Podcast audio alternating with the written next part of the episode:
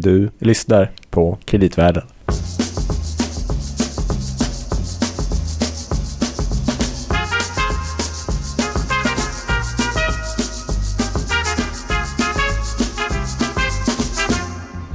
Varmt välkommen då till ett nytt avsnitt av Kreditvärlden som vanligt med Louis Landeman. Och Gabriel Bergin. Det stämmer bra. Och vi har lovat att prata lite mer på djupet om bankers kreditkvalitet. Vi har ju berört, det finns ju ett av våra mest lyssnade avsnitt är faktiskt det om den senaste finanskrisen i, som ja, man ska, härrörde sig till USA men åtminstone briserade lite grann i USA med subprime och allt det där. Eh, så det finns, eh, och sen har vi även pratat om bankkriserna i Europa med Irland och Cypern bland annat. Men vi tänkte om vi, vi är ändå kreditanalytiker, Mm. eller hur Louis? Jag tror det. Mm. Vi är ju lite in- intresserade av det här med ratings, alltså kreditbetygen Mm. som sätts av ratinginstituten. Eh, och då tänkte vi, om vi ska grotta ner oss lite grann i hur bankrating ser ut. Då finns det en person i Norden som kan extremt mycket om det här. Frågan är om man inte kan mer än någon annan. Jag tror nästan det. Mer än oss i alla fall. Mer än oss. Per Törnqvist, 25 år finansbranschen, 10 år i Standard Poor's. Du har väl under de här åren på Standard Poor's misstänker jag träffat bland annat de, de flesta bankledningar i Norden. Ett flertal tillfällen. Och, Det tog det nog vara så ja. ja. eh, vad gör du just nu? Idag så arbetar jag inom Danske Bank med eh, att eh, eh, dels hålla kontakten med ratinginstituten då och argumentera för vår position men också strategifrågor som drivs av rating och ratings roll för banken i Mm. olika sammanhang. Så Mm. det finns påverkan på, på många områden. Fortsätt med ratings men på andra sidan så att säga. Och ratingen har ju en enormt stor vikt eh, bland annat för banker, även för företag naturligtvis. Men många som inte vet så mycket om det här undrar säkert vad gör ett ratinginstitut och hur jobbar man som analytiker på ett ratinginstitut? Kan du berätta det lite? Ja, rating är ett väldigt spännande begrepp. Det är ett arbete som jag aldrig kunde drömma om att jag skulle ha. Det fanns i en bransch jag inte visste existerade och utfördes av människor jag inte visste man kunde, eller i en yrkesroll jag inte visste att man kunde ha när jag en gång för många år sedan studerade. Eh, det kan tyckas märkligt att man kan leva på att sälja åsikter Mm. men det är vad ratinginstituten gör.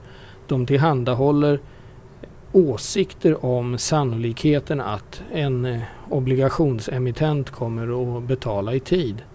Baserat då på en strukturerad analysmodell som inom fasta ramar ger den enskilde analytikern viss möjlighet att påverka. Eh, jag tror att det här är viktigt att ha med sig för att en rating är aldrig en persons åsikt. Det är en kommittés åsikt och den processen i sig är, är ganska intressant för att då samlar du ett antal människor med olika erfarenhet av eh, världen i ett rum och diskuterar ett företags position eh, på, på den marknad det verkar i i förhållande till alla andras som man då har som jämförelsematerial. Eh, och sen så eh, är man oense då om olika saker och i slutändan så, så eh, när debatten då går till votering så kommer det ut ett resultat som blir kommitténs åsikt och inte nödvändigtvis någon enskild deltagares helt och hållet. Eh, det är ganska intressant för att det är, det är just det som är rating, det unika i ratingprocessen, att det är ett kollektivt beslut baserat på en viss metodik med givetvis individuella personers erfarenhet och kunskap som, som eh, delkomponenter. Men sen man kan väl säga den annan sak som är unik är väl att man har ganska mycket information som är ska man säga exklusiv. Alltså man är väl delvis en form av insider som får träffa ledningen i banken och kanske eh, får reda på lite mer än vad som är man säger publik information. Jag tror att vi inte ska överdriva just det. Det kanske är den populära bilden att det är något slags eh, övermänniskor som har en unik erfarenhet och kompetens och eh, dessutom får tillgång till annan icke känd information. Eh, I viss grad kan du få tillgång till eh, viss information eh, lite tidigare än marknaden i övrigt. Men, men eh, Strategifrågor eller? Framförallt har du möjligheten att föra en egen dialog med Mm. företagsledningen Mm. och med företagets olika representanter. Ställa frågor, ifrågasätta. Är det här en bra väg att gå? Varför gör ni så här? Tror ni att det här är realistiskt att förvänta givet ABCD? Alltså den typen av dialog är, är ju det unika och det, det samtalet, eh, det så kallade managementmötet då, det är ju det helt centrala för att, underbygga någon form av hållning då. Just det. Men eh, innan vi då går in på lite grann vad vi vill titta lite närmare på, alltså hur, hur har ratingar för banker fungerat och var står vi nu eh, vad gäller bankers kreditkvalitet? Eh, så ska vi spela ett kärt klipp så att säga. Vi har hört det här förut i kreditvärlden men vi vill gärna höra det igen. Det är nämligen relevant för det här är eh, en av de få banker i modern tid som faktiskt har fått gå i konkurs. Och det här är eh, Lehman Brothers eh, VD Dick Fold eh, strax innan deras konkurs. A titan of Wall Street prepares to address his staff in New York, London, and around the world. He wants to put an end to rumors that the firm is in trouble. Crisis? What crisis? Every one of you should feel confident and proud. Our firm is strong today, and we will emerge from this cycle even stronger. We've done it before, and we will do it again. Twelve weeks later, the bank went bust.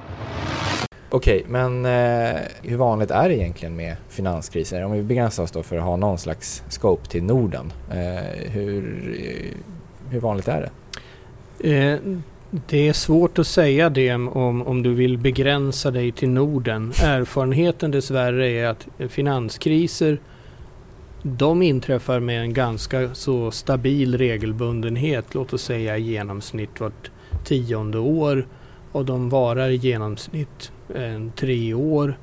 Eh, men, och det är väl det mest väsentliga, de drabbar inte likformigt. Du menar när du säger vart tionde år så menar du liksom på global, att det sker någonstans? Ja, just det. Eh, vart- just men det. inte i Alltså, varje land nej. hoppas jag. Men vi har ju ett finansiellt system och det är Mm. det globala finansiella systemet.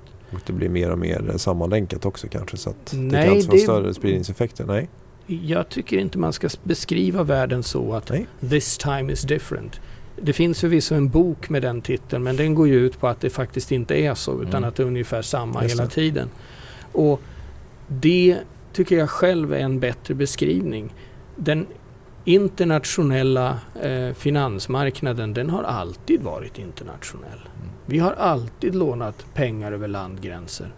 Även under tulpankrisen i Holland så var det. Romarrikets undergång är kopplat till att kineserna inte ville ha betalt till något annat än silver och det innebar alltså att man utarmade den monetära basen i romarriket och fick problem med inflation och så föll ekonomin till slut samman och riket gick under. Den, den bilden tycker jag är god nog för att beskriva att vi har alltid haft ett internationellt finansiellt system. Vi som brukar säga här i den här podden att vi går tillbaka till det började. Ja, Nu fick vi verkligen svar på tal här. Per överträffar.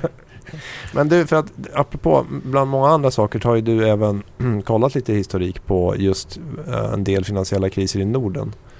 Senaste 200 åren eller hur långt tillbaka gick du när du Eh, tittade det, efter? det, det, om vi vill beskriva ett modernt banksystem där vi alltså har, eh, ska vi säga, antingen sparbanksmodellen Mm. där du har då en, en eh, lokal sparaktivitet som eh, är ägnad att stimulera ekonomisk tillväxt och investeringar i lokalsamhället. Eller eh, då privata banker, det vill säga enskilda banker där aktieägarna var obegränsat ansvariga för banken. Mm. Och aktiebanker där ägarna var begränsat ansvariga eh, för banken. Då Mm. talar vi om 1800-talets början.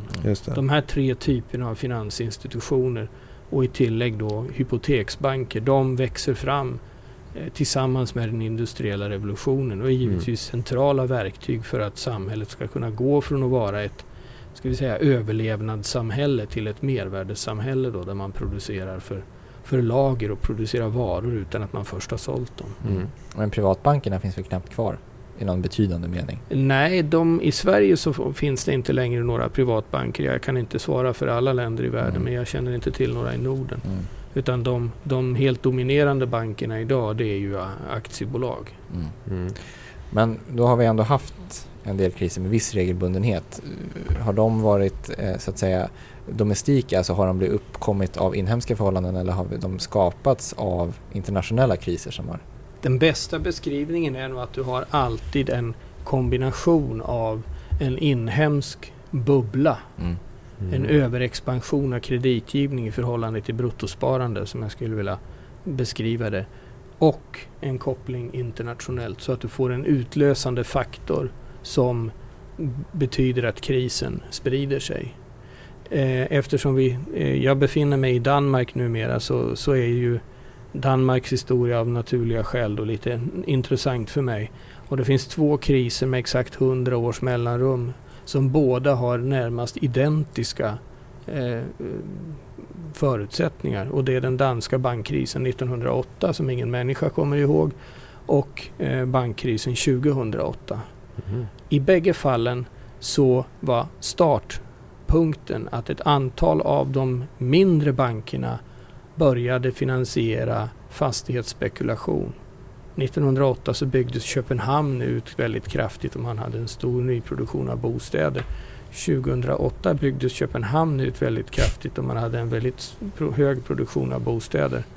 Eh, 1908 finansierade man det genom att låna pengar i utlandet. 2008 finansierade man det också med att låna pengar i utlandet. Alltså det är exakt samma struktur på två kriser. Förmenligen då enligt mångas åsikt i helt olika världar. Mm. Eh, när du får en utlösande händelse, som i bägge fallen är i USA. 1906 så har vi en jordbävning i San Francisco som innebär en enorm kapitalförstöring men också stora uttag i det amerikanska banksystemet som eftersom det då drabbas av en systematisk så kallad run, det vill säga att inlånarna tar ut alla pengar, hotades av kollaps. Ja, det innebar givetvis att de amerikanska bankerna då skar, skar av sina linor som man säger på finansspråk, det vill säga Mm. man bad att få tillbaka sina pengar eh, som man hade lånat ut utomlands. Och det innebar då att de, de danska bankerna fick problem och, och började gå i konkurs. Eh, exakt detsamma sker 2008. Och när du har sett de här, när du har tittat på de här finanskriserna kan du säga något om vilka banker brukar typiskt sett att få mest problem? Eh, små banker kontra stora. Det är små banker som går under i kriser. Mm. Eh, Det är förhåll- förhållandevis sällan som stora banker går under i kriser. Eller för den del tillåts fullständigt gå under i kriser. Är det då för att skalekonomier generellt eller är det att man har någon slags diversifiering eller vad är det som skapar den här tryggheten i de stora bankerna? En konkurs innebär två saker. Det innebär moratorium och acceleration. Båda de här begreppen kan ju framstå som abrakadabra för en vanlig människa. Men moratorium det innebär att då upphör alla betalningar in och ut ur det företag som har gått i konkurs. Acceleration innebär att konkursförvaltaren så snart som möjligt ska driva in alla fordringar för att kunna reglera alla gäldenärer eh, så snabbt som möjligt. Eller förlåt, ge alla eh, kreditorer så snabbt som möjligt. Det eh, innebär självklart enorma värdeförstörelser. För när man vet i en marknad att den ena parten inte kan förhandla fritt, då blir priset helt annorlunda än om det är två parter som ska förhandla med full osäkerhet. Vill man vara lite provocerande kan man säga att finansteori säger idag att priset det representerar all känd information. Jag skulle hävda nej, priset är alltid fel och det är själva grunden för att vi kan ha handel. Vi har en säljare som tycker att priset är på tok för högt. Så får han 100 så är det fantastiskt. Vi har en köpare som säger att 100, nej men herregud det där är ju värt 150 så det är ju toppen att bara behöva betala 100. Bägge parter går därifrån och är helt nöjda med transaktionen. När den ena parten inte kan förhandla eller det är känt vad som blir konsekvensen av eh, ett visst handlingsmönster, då upphör handeln, då dör marknaden. Och därför så är det så problematiskt att tillåta stora banker gå i konkurs. För det är inte bara en fråga om att skattebetalarna ska inte skicka in en massa pengar i en bank utan det är en fråga om hur många andra människor ska också drabbas och hur hårt. Mm. Och det är klart att om vi lever i ett samhälle där vi har ett högt sparande då kommer vi också ha en hög skuldsättningsnivå. Det är oundgängligt. Det är svårt att se det om man inte ska leva i konstant deflation, alltså fallande penningvärde och minskande penningmängd. För om, det är intressant för när, om vi kommer tillbaka till ratings lite grann och det här med bankratings. Eh, Moody's, eh, konkurrenten till S&P fick ju en del ja, kritik eller man ska säga när man hade eh, AAA-betyg, alltså det högsta betyget på isländska banker innan krisen för att man ansåg att sannolikheten för att staten skulle gå in och stödja banken i ett sånt här scenario var ett. Alltså det var fullt sannolikt. Mm. Nu visade det sig inte riktigt vara så, men just den där kritiken mot att man likställde sannolikheten för statsstöd med ett.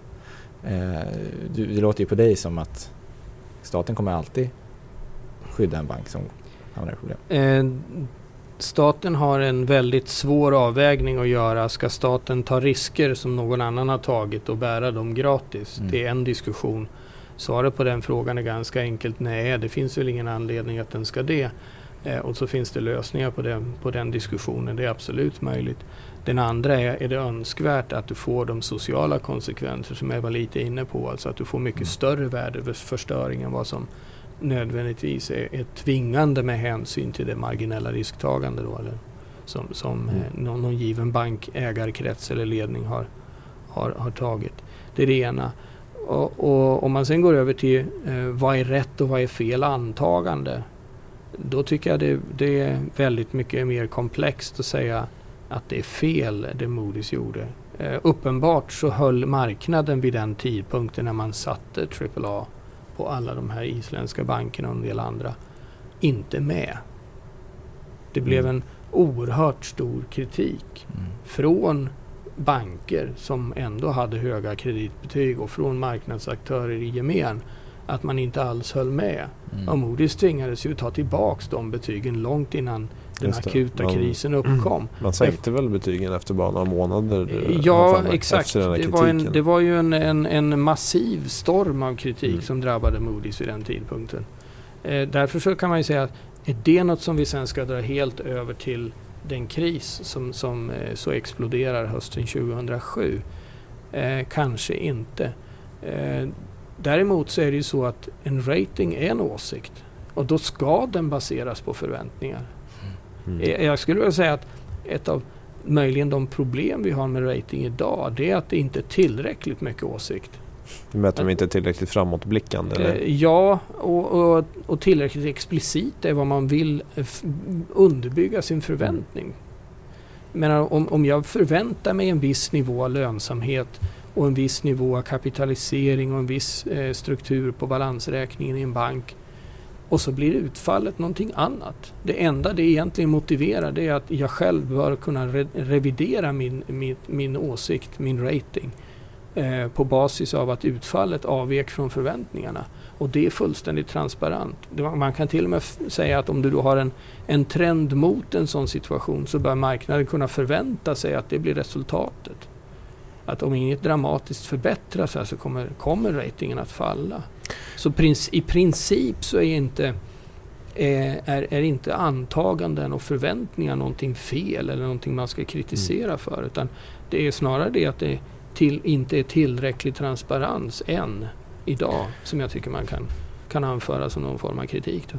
Om jag slänger ut någonting, du får, nu får du rätta mig om jag har fel här, men om man tittar på bankratings generellt, kan man inte säga då att uh, i genomsnitt så är faktiskt kreditbetygen idag, eller idag, men historiskt, uh, har faktiskt varit kanske för lågt. Uh, men de banker som väl har gått omkull, för det har varit då ganska få i och med att många har fått stöd, men när de väl har gått omkull så kan man se då har kreditbetygen så att säga varit på dem eh, ganska höga liksom, fram till point of default. Förstår du vad jag menar? Ja. Att man i genomsnitt kanske har varit för konservativ men man har inte lyckats selektera vilka som ska så att säga defaulta men det kanske också är väldigt svårt om det nu är så att de flesta banker får stöd och sen kunna på förhand peka ut och säga att just Liman till exempel tror vi inte ska få det. Eh, Är det någon möjlig uppgift liksom? Eller, är det, eller håller du med? Är, eller är kreditbetygen, borde de vara högre på banker? Eller hur ska man se på det där? Eh, Nu, nu ställer du mer än en Ja, fråga jag vet. Nu på en gång mycket. Vilken Eh, vill du svara på? vi, kan, vi kan ta det lite åt gången.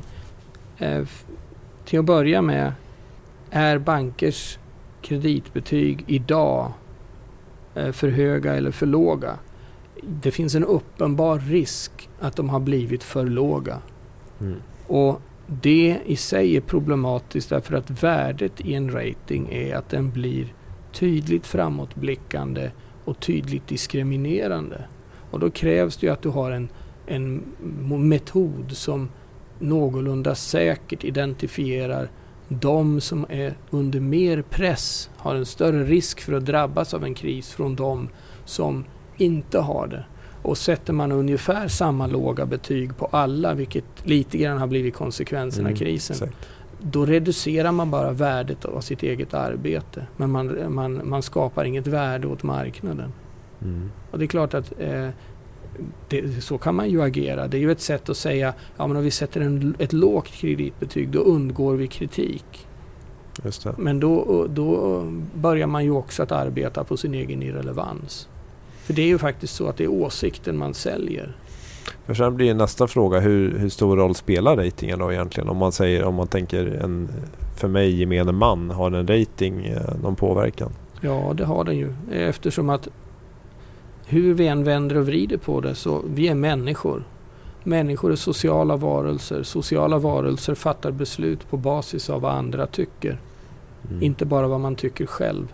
Vad jag är ute efter här det är att rating det kommer vi alltid att ha. Det har vi förmodligen alltid haft mycket längre än vi har kallat det för bokstäver och, och refererat till Moody's och Fitch och Standard Mm. Poor's.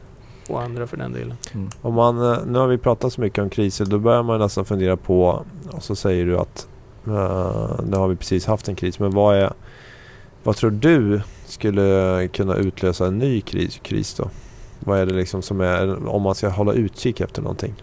Ja, jag har redan nämnt det flera gånger och det, det har någonting som, som jag själv har insett dessvärre ganska nyligen. Jag har inte haft den här hållningen mer än i ett års tid ganska precis. Så jag kan bara beklaga det. Det är dåligt att det tar 25 år att komma på något så enkelt men, men Bättre sent än aldrig. eh, kan vi hoppas. Eh, men om man ser till växten i kredit, alltså hur mycket pengar som banksystemet genom olika kanaler förmedlar till ekonomin under ett år i förhållande till det bruttosparande, alltså den icke-konsumtion som ekonomin har av BNP under samma period så får man ett väldigt robust mått för att identifiera de marknader där du får finansie- finansiella kriser. Ser du den typen av situation växa fram någon speciell stans? Om vi håller nu, oss eller? till Norden så är svaret nej. Och det är lite intressant eftersom vi har haft en oerhört het debatt om precis det. Mm. Inte minst här i Sverige då runt bolån med mera. Men det, det är alltså så att det svenska banksystemet under de senaste åren, sedan krisen började 2007-2008, har intermedierat, som man ser, förmedlat en väldigt liten del av bruttosparandet. Långt under den trend som, som eh, eh, då de facto har, har varit. Och utanför, om man säger mer internationellt då, i andra länder? Är det någon, Eh, ingen Det, speciell varningsklocka som... det finns en del länder som uppvisar tendenser till väldigt hög kreditväxt i förhållande till bruttosparande. Och självklart är Kina ett av de länderna. Mm. Men det som är problematiskt med Kina det är ju att det, det är svårt att värdera kvaliteten i den statistik som publiceras. Mm. Så att felmarginalen i vad man kan eventuellt konkludera den riskerar att vara ganska stor. Men Men rimligen så är det ett, ett land som är Mm. en, en kandidat till att ha få finansiella problem. Det är intressant att du säger det, för vi pratade ju om Kina bland annat i förra, Mm. förra podden. Men det var ju roligt att du är lite positiv på Norden, för att vi har ju sagt att vi brukar vara för negativa här. Det är skönt att få lite... Precis, det är Lite gott, eh, goda nyheter. goda nyheter för Goda alla våra nyheter. nya lyssnare som kanske kommer från aktiesidan också. Precis. Ja. Det här var ju fantastiskt bra. Det kanske finns anledning att återkomma till dig framöver Per. Ja, det tror jag. Det här är- känns som att det är på något vis ett ständigt aktuellt ämne. vi ringer när krisen briserar. Tack för att du kom Per.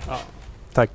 Tack. Eh, men det var faktiskt allt för idag. Det får nästan För- räcka va? Det var den- ju mycket att fundera på där. För denna gång. För denna gång. Mm. Eh, så eh, om ni vill eh, grotta själva i all den här datan som Per har tagit fram om historiska bankkriser i Norden så kan ni säkert kontakta honom. Eh, han finns... Eh, Jag skulle nog- själv vilja fundera lite mer på Ja, det. Jag känner ja, Precis. det är mycket att tänka på. Ja. Eh, ni kan också höra av er till oss som vanligt på brev.kreditvarden.se eller på Twitter kreditvarden. Eh, så, så kan vi hålla dialogen vid liv så att säga. Ni får också gärna höra av er till oss om ni har några särskilda frågor eller om det är något särskilt ämne som ni tycker att vi ska ta upp här i vår lilla podd. Annars tar vi väl upp ett nytt spännande tema i nästa avsnitt. Är det inte så Gabriel? Det kommer vi absolut göra. Det finns ju otroligt mycket eh, intressanta saker att diskutera i den här nya nollräntemiljön till exempel. Ja, mycket intressant. Jag vet inte själv vad jag ska göra med mina pengar men det kanske får bli... Jag kanske får ta råd Det, av dem. vi tar det separat. Ja, ja, du kan... Bra. Vi tar ett snack sen. Tack. Mm. Då så, men eh, vi hörs igen inom kort då. Det gör vi. Mm, tack. Tack. Hej.